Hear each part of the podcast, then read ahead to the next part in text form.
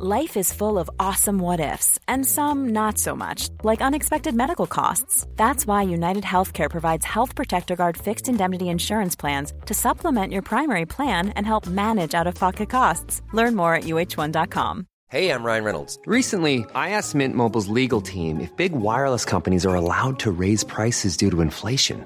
They said yes. And then when I asked if raising prices technically violates those onerous two year contracts, they said, What the f are you talking about, you insane Hollywood ass? So to recap, we're cutting the price of Mint Unlimited from $30 a month to just $15 a month. Give it a try at mintmobile.com slash switch. $45 upfront for three months plus taxes and fees. Promo for new customers for limited time. Unlimited more than 40 gigabytes per month. Slows. Full terms at mintmobile.com.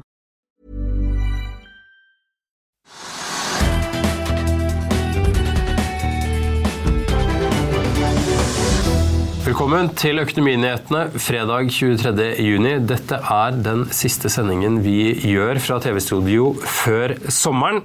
Og dermed så tenkte vi at det ville være greit å gjøre dette på en litt annerledes måte. For skal vi summere opp det siste halvåret, så er det skatt, og særlig formuesskatt, som har eh, ja, dominert media med den ene formuende nordmannen etter den andre som har valgt å melde flytting til Sveits.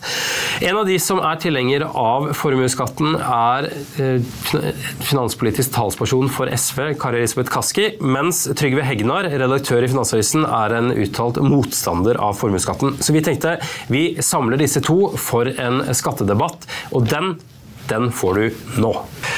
Skatt har dominert mediene gjennom våren, og da er det særlig formuesskatten. Og det har jo ledet også til at en del nordmenn har valgt å flytte til Sveits, som igjen har ledet til at lederen for SV har sagt at Røkke og de som flytter til Sveits, kan ryke og reise. Er det nå den offisielle holdningen til SV, Kari Elisabeth Kaski? Nei, det er det ikke. Og eh, det var jo fra Kirsti Bergstø sin side sagt i en spesifikk kontekst knytta til, til, Røkke og, og hans eh, historie med eh, egentlig i Nord-Norge og, og knytta til, til fiskeindustri. Eh, så er det et, eh, et, begrep som hun brukte i en landsmøtetale, som får stå for hennes regning. Og i den konteksten der, det, eh, jeg legger meg på et litt annet sted retorisk. Ja, så du ønsker at eh, rike nordmenn skal bli landet, med andre ord? Så selvfølgelig så eh, ønsker jeg det, og jeg ønsker jo også at vi skal ha også kapitalsterke folk i Norge som kan drive på med næringsvirksomhet virksomhet å, å investere. Vi trenger det.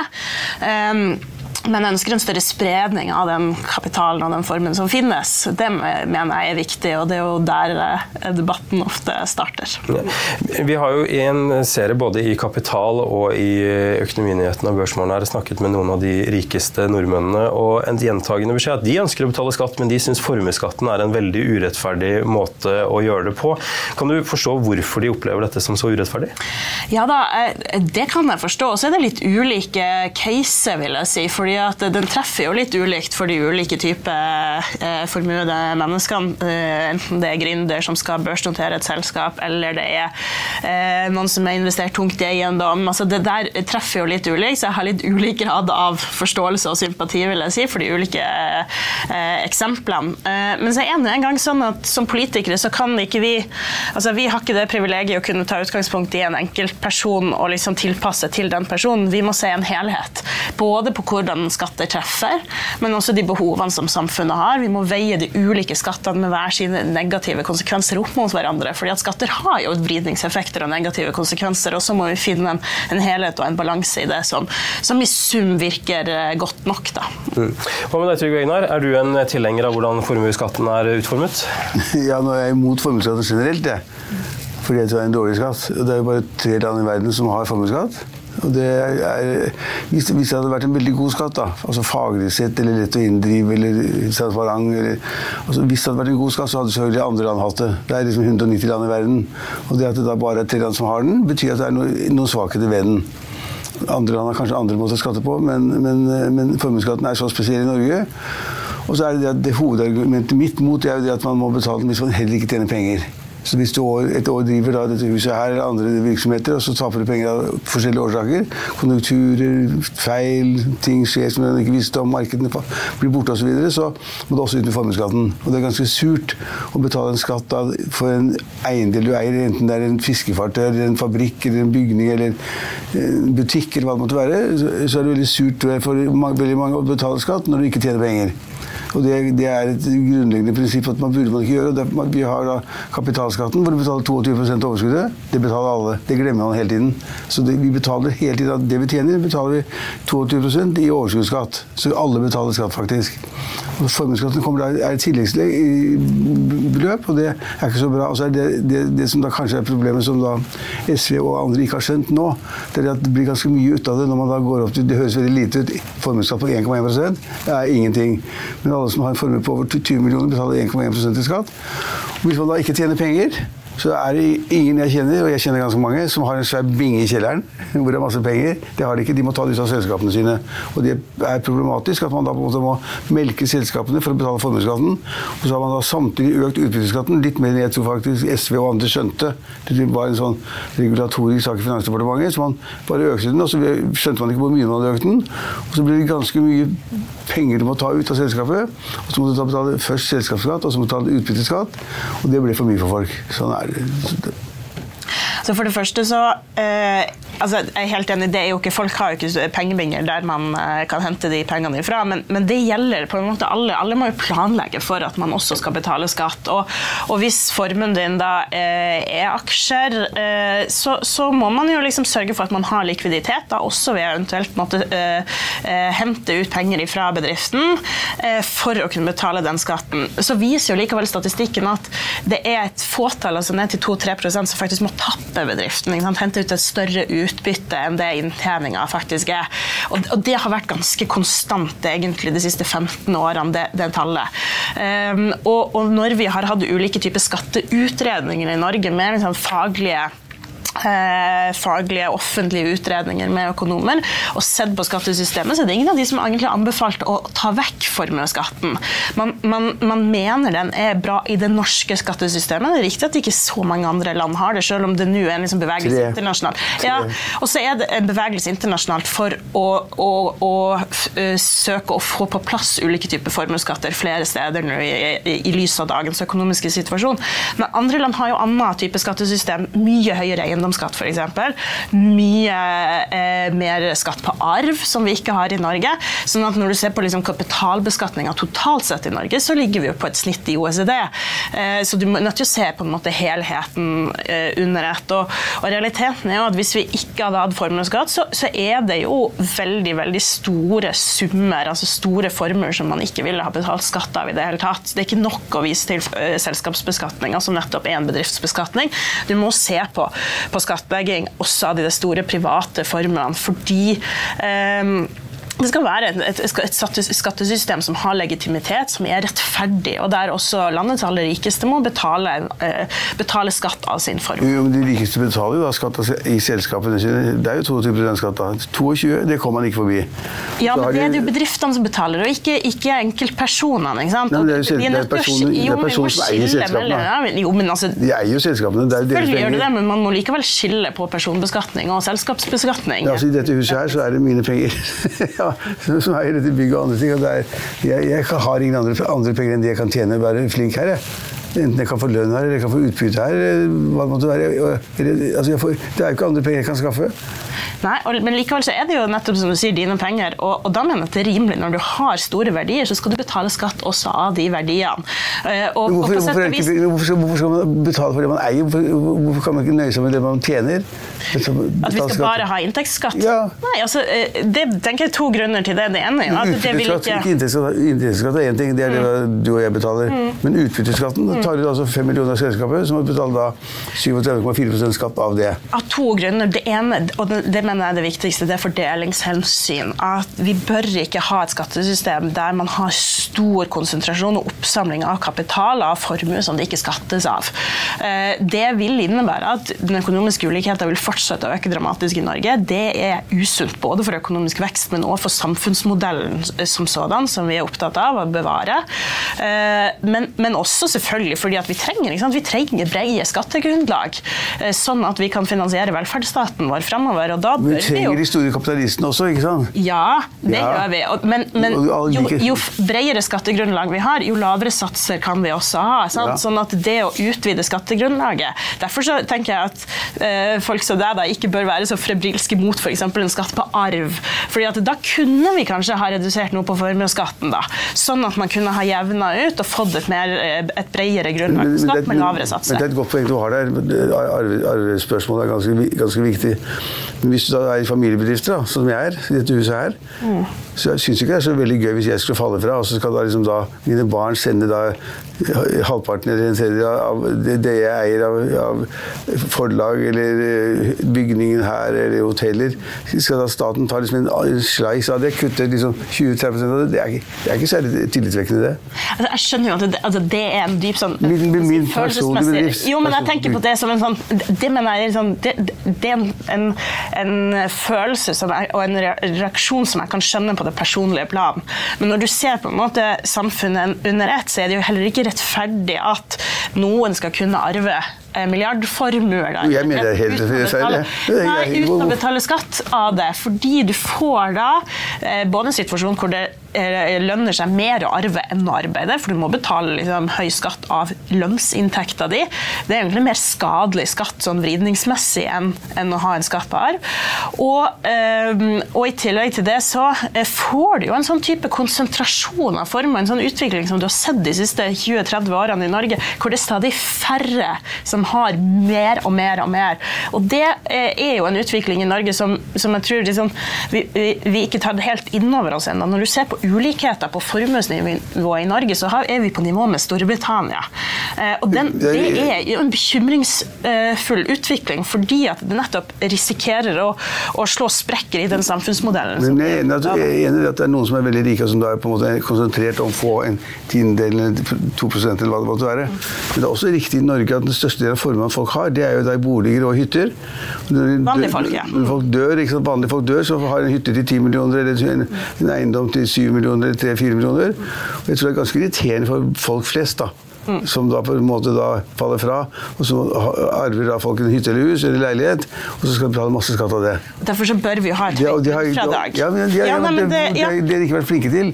For det blir jo flådd bare å ha hatt en eller to millioner sant. Og den forrige arveavgifta som ble avskaffa i 2013, den, den, var jo et eksempel på det. For den var først og fremst vanlige folk med vanlig arv som måtte betale den. Den ga bare to å, ja, og lett å, å komme seg utenom. Men det å ha et høyere bunnfradrag med reell, mer reell verdsettelse av, av eh, formuesverdiene som, som, går i arv, det, det, kan vi gjøre. Da kan vi ha 10 millioner for eksempel, i et bunnfradrag, eller høyere for den saks skyld. Men tør du gå i valget i 2025 og foreslå arveavgift? Ja, SV tør jo det. Problemet er vel mer våre partnere i Arbeiderpartiet og Senterpartiet. Ja, de, tør ikke, de tør ikke Arbeiderpartiet. De har sagt at de ikke skal innføre arveavgift. Ja, og det kan ikke jeg forstå som sosialdemokratisk parti at man kan forsvare. Det er sånn, en ren sånn, taktisk vurdering som jeg tror er en feilvurdering. Da, for da gir man liksom, hva skal si, slipp på visjonen sin for samfunnsutviklinga. Men de har, de har Stoltenberg sagt i mange år. Mm. Det kan de ikke gå tilbake på. Og, Neida, og, og, det... Slagsvold Vedum har også sagt det. Arveavgift kommer ikke på tale. Men vi har ikke gitt opp ennå. Du skal jobbe hardt for det i to år fremover? Absolutt. og så er det jo, jeg ser jo liksom der, Hvis du googler skatt på arv, så er det jo mange advokatbyråer nå som skor seg på liksom, og tror at det kommer rundt neste sving, og her gjelder det å liksom overføre arv. Og du ser jo litt av den utviklinga med eh, eh, folk som sender sine arvinger til Sveits med, med B-aksjer i kofferten. Uh, og den er jo ikke nært forestående. Sant? Den kommer ikke over natta nå. Um, fordi det, det kommer ikke i 2025, det, det, det, er jo valg. Uh, men, vi, men, vi, er nødt til å, å, å, ta den diskusjonen i mye større grad. For akkurat nå så er det, altså, uh, så er det enorme milliardoverføringer til neste generasjon som skjer helt skattefritt. og uten at vi har en diskusjon om, om den type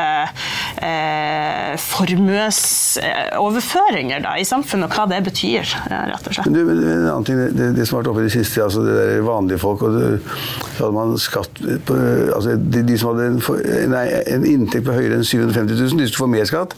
De som hadde inntekt på lavere enn 750 000, skulle få mindre skatt. Det var regjeringens policy. Så man følger Er ikke det de tullete beløpa? Hvor står SV der? Altså 750 000 er jo altså, Du tjener jo en million som stortingsrepresentant. Altså, er 750 000 det er liksom det er de, en, altså en som jobber heltid da, og jobber i en yrke, enten du er nesten, nesten politimann eller sykepleier eller hva som helst, så tjener du 700 000. Vel, altså jeg, det er helt riktig, jeg tjener en million eller litt mindre fordi vi betaler partiskatt. Ja, 1,1 tjener du at du gir bort 1,1 tjener du gir bort pengene dine. Det er, det Ja, ja, det er din, men, din men, glede. men det gjør meg til uh, eh, i den gruppa med de 10% best betalte i Norge. Det mener jeg at stortingsrepresentanter ikke skal være. Og, men det, bare, det sier noe om størrelsesforholdene her. 750 000, da er, det, da er du innafor på en måte 70% av alle lønnsmottakere er liksom innenfor den gruppa. Det tenker jeg kan kategoriseres som folk flest eller vanlige folk. på en måte. Fordi at de folk flest tjener faktisk liksom i, eh, opp mot 750 000. Men så vil jo det tallet, og det er derfor jeg mener at det var litt sånn uklokt fra Arbeiderpartiet og Senterpartiet å liksom eh, gi en lovnad knytta til et tall. Fordi det, det kommer jo helt an på lønnsutviklinga og prisveksten i samfunnet, som vi jo nå har fått se. Men at man bør ha en målsetning om at eh, vanlige folk, dvs. Si flertallet av vanlige er lønnsmottakere Ja, det- det vanlige Det er flertallet. Det er flertallet. Ja, er, det, er det deg, eller er det de Nei, det er jo åpenbart ikke meg. Jeg tilhører som sagt den 10 gruppa Ja. med høyest lønn i Norge. Det er jo vanvittig. Det er ikke vanlige folk. Vanlige folk er jo de som har, er vanlige lønnsmottakere med vanlig lønn. men på hvilket nivå skal man da øke skattene neste, altså, Nei, da neste, jeg at- neste statsbudsjett? Et eller annet sted mellom 700 000-800 000 er jo kanskje der Er knekkpunktet går. Nei, fordi da, er det da, men ikke sant, med det opplegget som har vært, så er det litt sånn ok, får du, la, du tjener 800 000 med de, de skatteendringene som har vært, da får du kanskje en økt skatteregning på 500 kroner. Det går fint. Når du også, vi øker barnetrygda, og vi har gratis SFO, eh, vi har en rekke andre eh, økninger på velferdssida, men de som liksom tjener over millionen og, over to millioner, de får langt høyere skatt, og det mener jeg er rettferdig, særlig fordi at den de- de- gruppa som fikk store skattekutt under Erna Solberg. Ja, så du, du vil ganske, de trinnene opp, det vil bli ganske kraftig mye økning fra 1 million til 2 millioner da. Ja, eksempel. Ja. Du var inne her i stad på at det bare er rundt 2% av alle, alle firmaene som må tappe for å betale formuesskatt. Men 2 det er fortsatt en 2-3 det er en 12 000-15 000 norske bedrifter. Er ikke det ganske dramatisk når du ser på det tallet istedenfor å si det lille prosenttallet? Nei, altså, jeg, eh, men, jeg, jeg skjønner at det er dramatisk for de det gjelder, men jeg mener ikke at det er dramatisk på samfunnsnivå. Alle skatter har negative konsekvenser. Eh, og, og du kan også liksom ta på deg kapitalisthatten og si at det jo da faktisk bidrar til, altså formuesskatten eh, bidrar til at du er nødt til å holde bedriften din som du eier, da, og det er der formuen din er lønnsom, likvid, at du, du eh, må holde pengene i arbeid. Det er et virkemiddel i realiteten for det, og at du ikke bare får liksom, si, låst fast kapital som ikke kaster av seg. Eh, Så, sånn sett så kan du si at det bidrar til økt produktivitet i Norge å ha den skatten. Og så igjen, ja, jeg skjønner at det er liksom, eh, dramatisk for de det gjelder, men, men nåværende statistikken viser at det er eierne av de mest lønnsomme og solide bedriftene i Norge som betaler formuesskatt. Og det er også ganske små summer for de minste bedriftseierne, mens eh, de- store si, summene som kommer inn eh, til staten fra formuesskatten, det kommer fra de med de aller største formuene. Bare en ting jeg må, ta, ta jeg glemmer det. Det, det som mange av våre lesere har tatt opp tidligere og bedt om å spørre sånn som deg, da, politikere, som sitter i den posisjonen du gjør, som er viktig. Det Du sa i en debatt på NRK så sa du at den, den debatten liksom at eh, folk sa at de hadde ikke penger liggende i skuffen eller i bingekjelleren. Og så sa du at men da får bare folk selge aksjer i selskapene sine. Det har provosert ganske mange. da, for liksom skal man selge de, de ting man eier for å betale skatten. Det, det, det oppfatter folk som ganske urimelig da, og litt urettferdig også. Ja, Det det er ikke bare, hvis, hvis, hvis, jeg, hvis jeg skulle betale skatt da, i dette huset som du er nå, Ja, ja.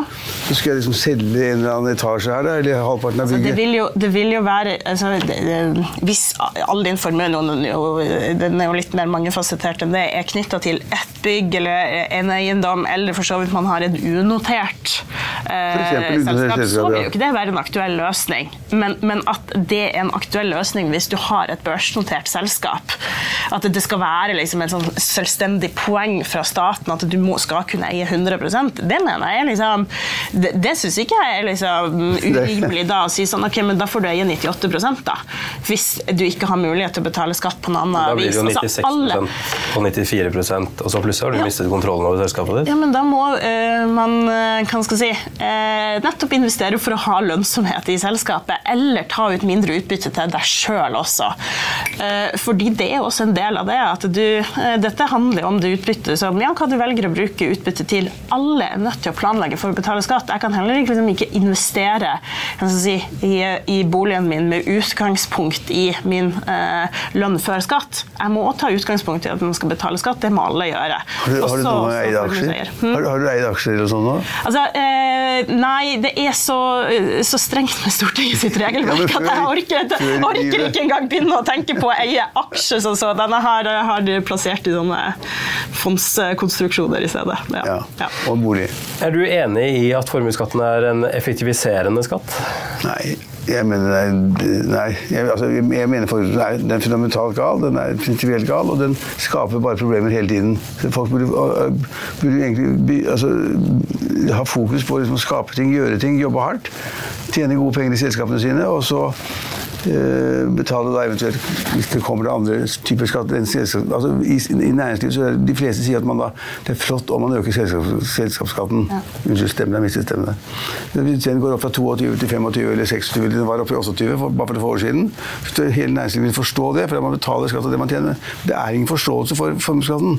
Og den er destruktiv i den forstand at den er mye verre enn folk tror. For du regner på det 1,1 av en eller annen formue er ganske mye. Øh, Og du må ta ut ganske mye penger for å betale de 1,1 og det, det skjønner ikke folk.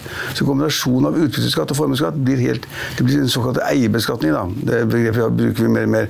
Det blir ganske kraftig i Norge. Da må du liksom ut med 50% i året, og det, det, er for, det er for høyt. Jeg mener at selskapsskatten, som jo bedrifter betaler, alle bedrifter, også bedrifter som ikke har bedriftseiere som Ja, betaler ja. formuesskatt, eh, har flere negative konsekvenser for samfunnet som helhet enn formuesskatten. Derfor er det ikke bare å si at man skal liksom øke og øke den, selv om det kan være eh, eh, et poeng å øke det noe fra dagens nivå. For at reduksjonen som har vært der de siste årene, som SV har støtta for øvrig, har også bidratt noe til den ulikhetsveksten som vi har sett i Norge. Men, men at den kan økes litt, det tror jeg. Men, men, men jeg, jeg vil advare mot å, å gå i en retning hvor den skal bare økes stadig ned, og, eh, og så avskaffe formuesskatten. Også fordi vi da ser at en del av de folka som betaler formuesskatt i dag, ikke vil betale skatt, fordi at man, man klarer å liksom organisere seg også vekk fra selskapet. Ja, Man kan ikke, man kan ikke organisere seg helt vekk. da. De, de, de fleste som har penger, sitter da, de er i selskapet, de sitter i styrene, har styrehonorar og de har lønninger og det er masse rart. Det er jo ingen som slipper unna skatt i Norge. Det er noe bare dere sier av og til. Sier De at Hvis man ikke har formuesskatt, så vil, det bli masse nullskattytere. Det er jo ikke sant. Spørsmålet er om man betaler skatt av sine egne, egne Ja, ja. da. ja. Vi hadde Jens Rugseth her eh, på eh, Teams fra Sveits, og han meldte jo flytting til, eh, til Sveits for ca. et halvt år siden, og utelukkende pga. formuesskatten. Og det han, dette spørsmålet går vel egentlig til dere begge, fordi han opplyser at, at ifølge hans kilder og de han snakker med, så har vi ikke sett halvparten av de som kommer til å flytte til Sveits. Og det spørsmålet gjelder dere begge to. Forstår dere at nordmenn velger å flytte til Sveits fremfor å bli boende i Norge? Nei, overhodet ikke. det, det gjør jeg ikke. Og, altså, sånn, de, um, jeg registrerer jo at de, de, de gjør det, og at uh, det er fordi at man ikke vil betale den skatten til, til Norge. Jeg syns jo at det er synd, gitt at det er i Norge, med den felles infrastrukturen, den velferden vi har, de høykompetente arbeidsstokken som vi har, som vi har investert i fellesskap, man ikke vil betale skatt til det, det mener jeg er synd. Uh, og så får det være et personlig valg om man vil bo i Norge eller ikke. Jeg skal ikke som politiker legge meg opp i det, men jeg forstår det ikke. og Men vet du hva, men, men, men, det er et morsomt poeng. fordi at Å forstå eller ikke forstå altså, Poenget er at Hvis du da hadde fått valget mellom å, da, å betale 50 millioner kroner i året og du kan sitte i Zürich eller Zug eller hva det måtte være, og bestemme like mye over bedriftene dine. For du har jo kontroll med bedriften selv om du da har flyttet ut. Eller barna har overtatt, eller hva det måtte være. Det er klart, det er jo Altså det jo, jeg syns det er vanskelig å forstå at folk da blir i Norge. Hvis de, liksom da, øh, hvis de kan ta av 50 millioner kroner mer i året, som de kan bruke investere da, i ny virksomhet, entreprenørvirksomhet, kjemi, biologi, forskning, industri, lastebiler, fiskeoppdrett, whatever. Altså jeg, det, man må jo forstå det at folk da, hvis de har valg mellom de kan bestemme like mye, og så kan de spare 50 millioner i skatt, da, blir, da, da flytter de jo. Det er jo et argument. Det, det, det forstår du. Det forstår du at de flytter da.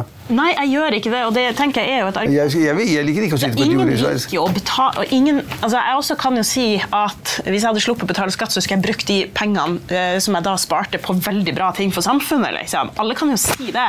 Men så er vi nå et sånt skal man si, spleiselag, da, et fellesskap her, hvor vi er nødt til å betale skatt, sånn at vi kan løse eh, oppgaver i, samf eh, oppgaver i samfunnet i fellesskap som har gjort Norge til det gode landet, og drive næringsvirksomhet som vi er i. Husk på at Norge altså, eh, er på topp i veldig mange av de internasjonale kåringene over å drive næringsvirksomhet i. Vi har også eh, flere dollarmilliardærer per innbygger enn det USA har, så vi er jo et land det er godt å være og bli rik i. Eh, men så er det klart, det har vært noen ting som har skjedd i det siste, i tillegg til økninga i formuesskatten, som, som det er sikkert mange som liksom reagerer på og flytter pga. Så er det jo også sånn at vi har hatt den fritaksmetoden som ligger i aksjonærmodellen, som gjør at det har vært mulig å samle opp så store summer, egentlig sparebøsser av penger som man ikke har trengt å betale skatt av. Ja, det vet man ikke hva de gjør. De, de pengene ligger jo i holdingselskapene. Det ingen som kan Ja. ikke bruke de fritt. Nei, nei Så tar du det ut, så er det, er det utbytteskatt. Og får du ja, lønn, er det lønnsskatt. og det der da, at det har vært mulig å reise til, uh, til f.eks. Sveits, bli der i fem år, hente de ut uten å betale utbytteskatt.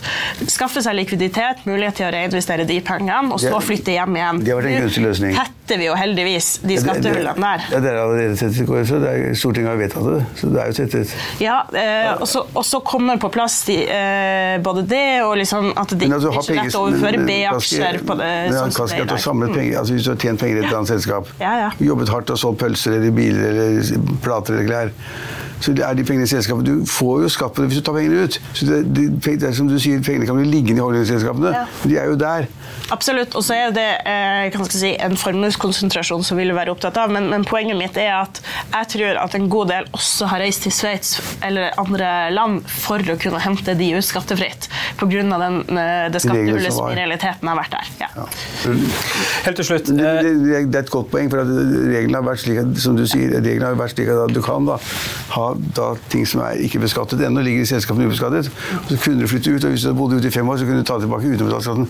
Det, det var kanskje i meste laget. Helt til slutt, eh, En av de tingene som også går igjen i, blant en del av de vi snakker med, er at de opplever det som urettferdig at eh, de må ta utbytte, og dermed så må de andre ta utbytte for å betale formuesskatten, mens utenlandske investorer de slipper hele formuesskatten. Eh, forstår du den formen for, eh, for opplevd urettferdighet? Eh, ja, eh, det gjør jeg. Uh, og så uh, tenker jeg at man må liksom igjen da se hele bildet i at utenlandske investorer har jo selvfølgelig annen type skattlegging i sitt hjemland, eller der de er registrert. sånn at de, de betaler jo også skatt, bare skattesystemet er satt opp på en annen måte. Og så er det jo litt sånn at hvis du ser på påvirker det investeringsbeslutningene, så mener jeg at det er mindre grunn til å være urolig da. For hvis du som nordmann har penger du vil investere, så, så vil ikke du vurdere så vil ikke du vurdere lønnsomheten i et prosjekt annerledes enn det en utenlandsk investor eh, vil eh, som følge av formuesskatten. Det virker liksom ikke vridende på den måten. Du vil på en måte fortsatt investere for å søke avkastning. Da. Sånn at jeg er ikke noe jeg Ja, men det er litt irriterende at utlendinger betaler mindre skatt. Jo, da, det- For de, de, for de, får, de, får- de får høyere avkastning enn nordmenn som da må ta med formuesskatten i avkastningen. Så de får en bedre avkastning. Samtidig det er lettere tilgang til da å tjene penger i Norge, og det er irriterende. Ja, er det nok av det irriterende?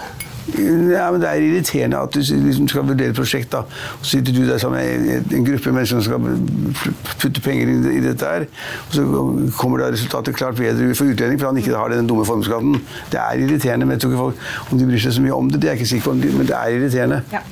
Og det, det, det tror jeg liksom, det, hva skal jeg si, det, det, det er irriterende, og det forstår jeg. Og så betaler jo også utlendinger skatt i sine hjemland. Det vet, vi, det vet vi ikke noe om. Nei, og det, er. pågår jo en sånn internasjonal skattekonkurranse her som, som har over de siste tiårene ført til generelt lavere skattenivåer. I, i, i? Kanskje det har vært bra for, verden, investeringer og ja, men så har det parallelt bidratt til liksom veldig stor vekst i ulikhet, som jo vi er Den opptatt av. overdriver- den- du Eh, nei, men- overdriver. Det er, ja, Noen er rikere, noen er rikere enn andre, men det er, det er faktisk ikke, ikke slik at ulikheten i Norge har ikke økt så mye som dere sier. Jo, Nei, det øh, har ikke det.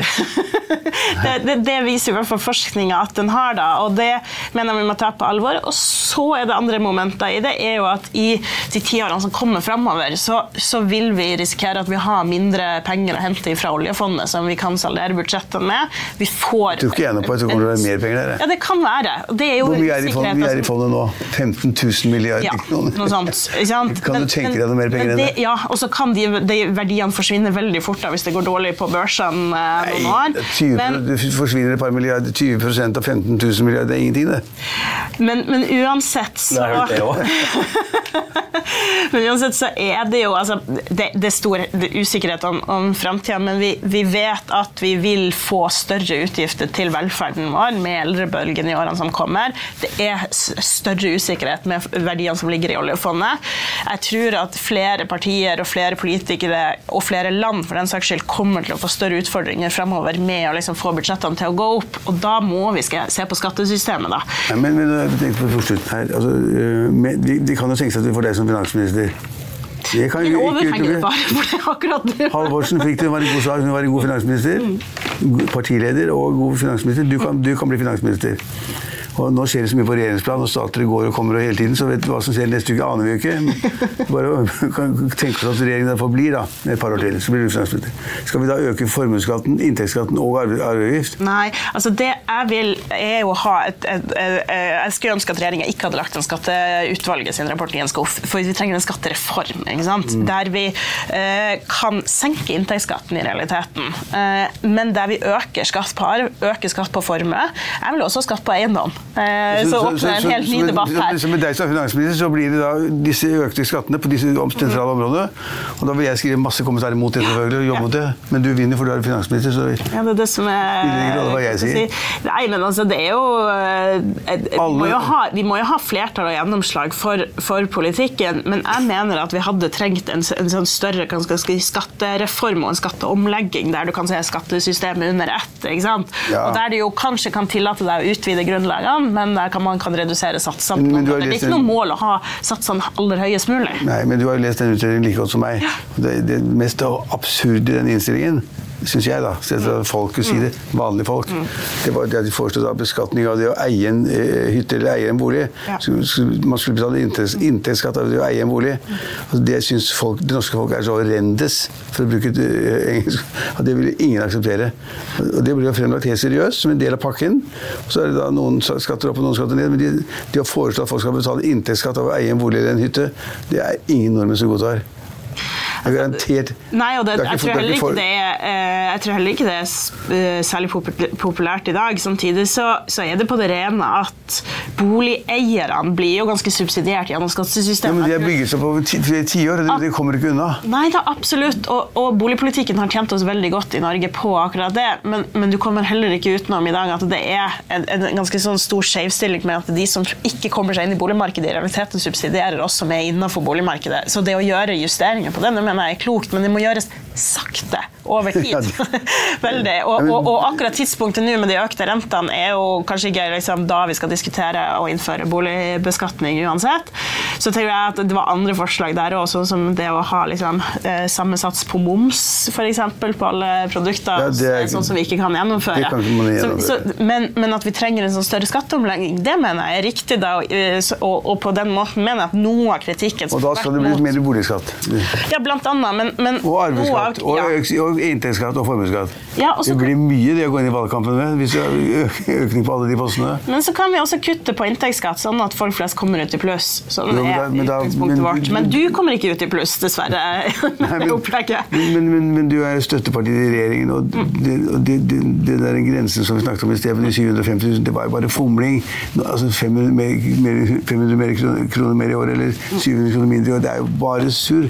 Folk skjønner jo ikke engang. Nei, nei.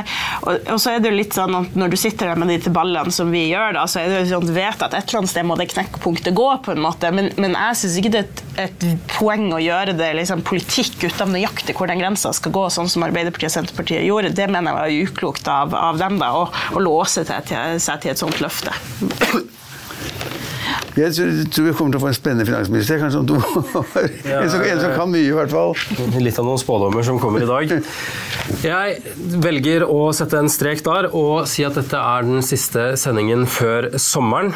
Det er, eh, vi er tilbake 7. august med både Børsmorgen og Økonominyhetene. Men på podkastvidden vår til Økonominyhetene og Børsmorgen så vil det gjennom sommeren være sommerintervjuer.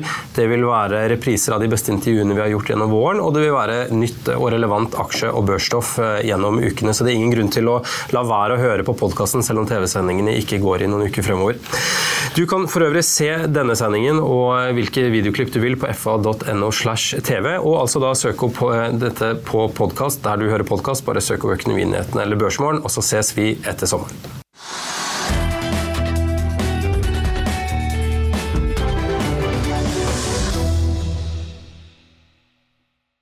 I'll see you in court.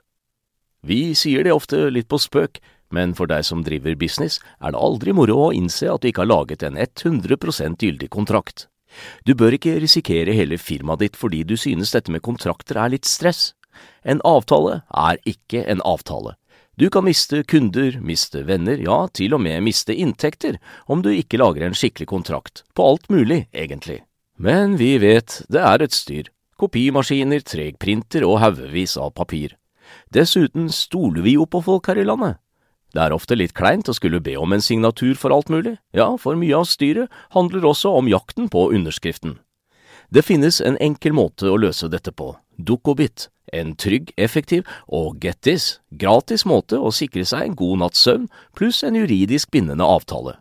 Dukkobit-appen har de strengeste sikkerhetskrav i bunn, samt en EU-godkjent og sertifisert teknologi. Framover vil det bli behagelig å spørre du, skal vi skrive under på det, eller? Kom i gang på dokobit.no. When you make decisions for your company, you look for the no-brainers. If you have a lot of mailing to do, stamps.com is the ultimate no-brainer. Use the stamps.com mobile app to mail everything you need to keep your business running with up to 89% off USPS and UPS. Make the same no-brainer decision as over 1 million other businesses with stamps.com. Use code program for a special offer. That's stamps.com, code program. When you need mealtime inspiration, it's worth shopping Kroger, where you'll find over 30,000 mouthwatering choices that excite your inner foodie. And no matter what tasty choice you make, you'll enjoy our everyday low prices, plus extra ways to save, like digital coupons worth over $600 each week. You can also save up to $1 off per gallon at the pump with fuel points. More savings and more inspiring flavors make shopping Kroger worth it every time. Kroger, fresh for everyone. Fuel restrictions apply. It's the Kia Summer Sticker Sales Event, so give your friends something to look at, like a B&B with an ocean view, an endless field of wildflowers, or a sunset that needs no filter. Make this a summer to share and save with a capable Kia SUV or powerful sedan. See your local Kia dealer or visit kia.com to learn more. Kia, movement that inspires. Call 800 334 Kia for details. Always drive safely. Sale applies to purchase of specially tagged 2024 vehicles only. Quantities are limited. Must take delivery by 7824. Økonominyhetene er en podkast fra Finansavisen. Programledere er Marius Lorentzen, Stein Ove Haugen og Benedikte Storm Bamvik. Produsenter er Lars Brenden Skram og Bashar Johar. Og ansvarlig redaktør er Trygve Hegnar.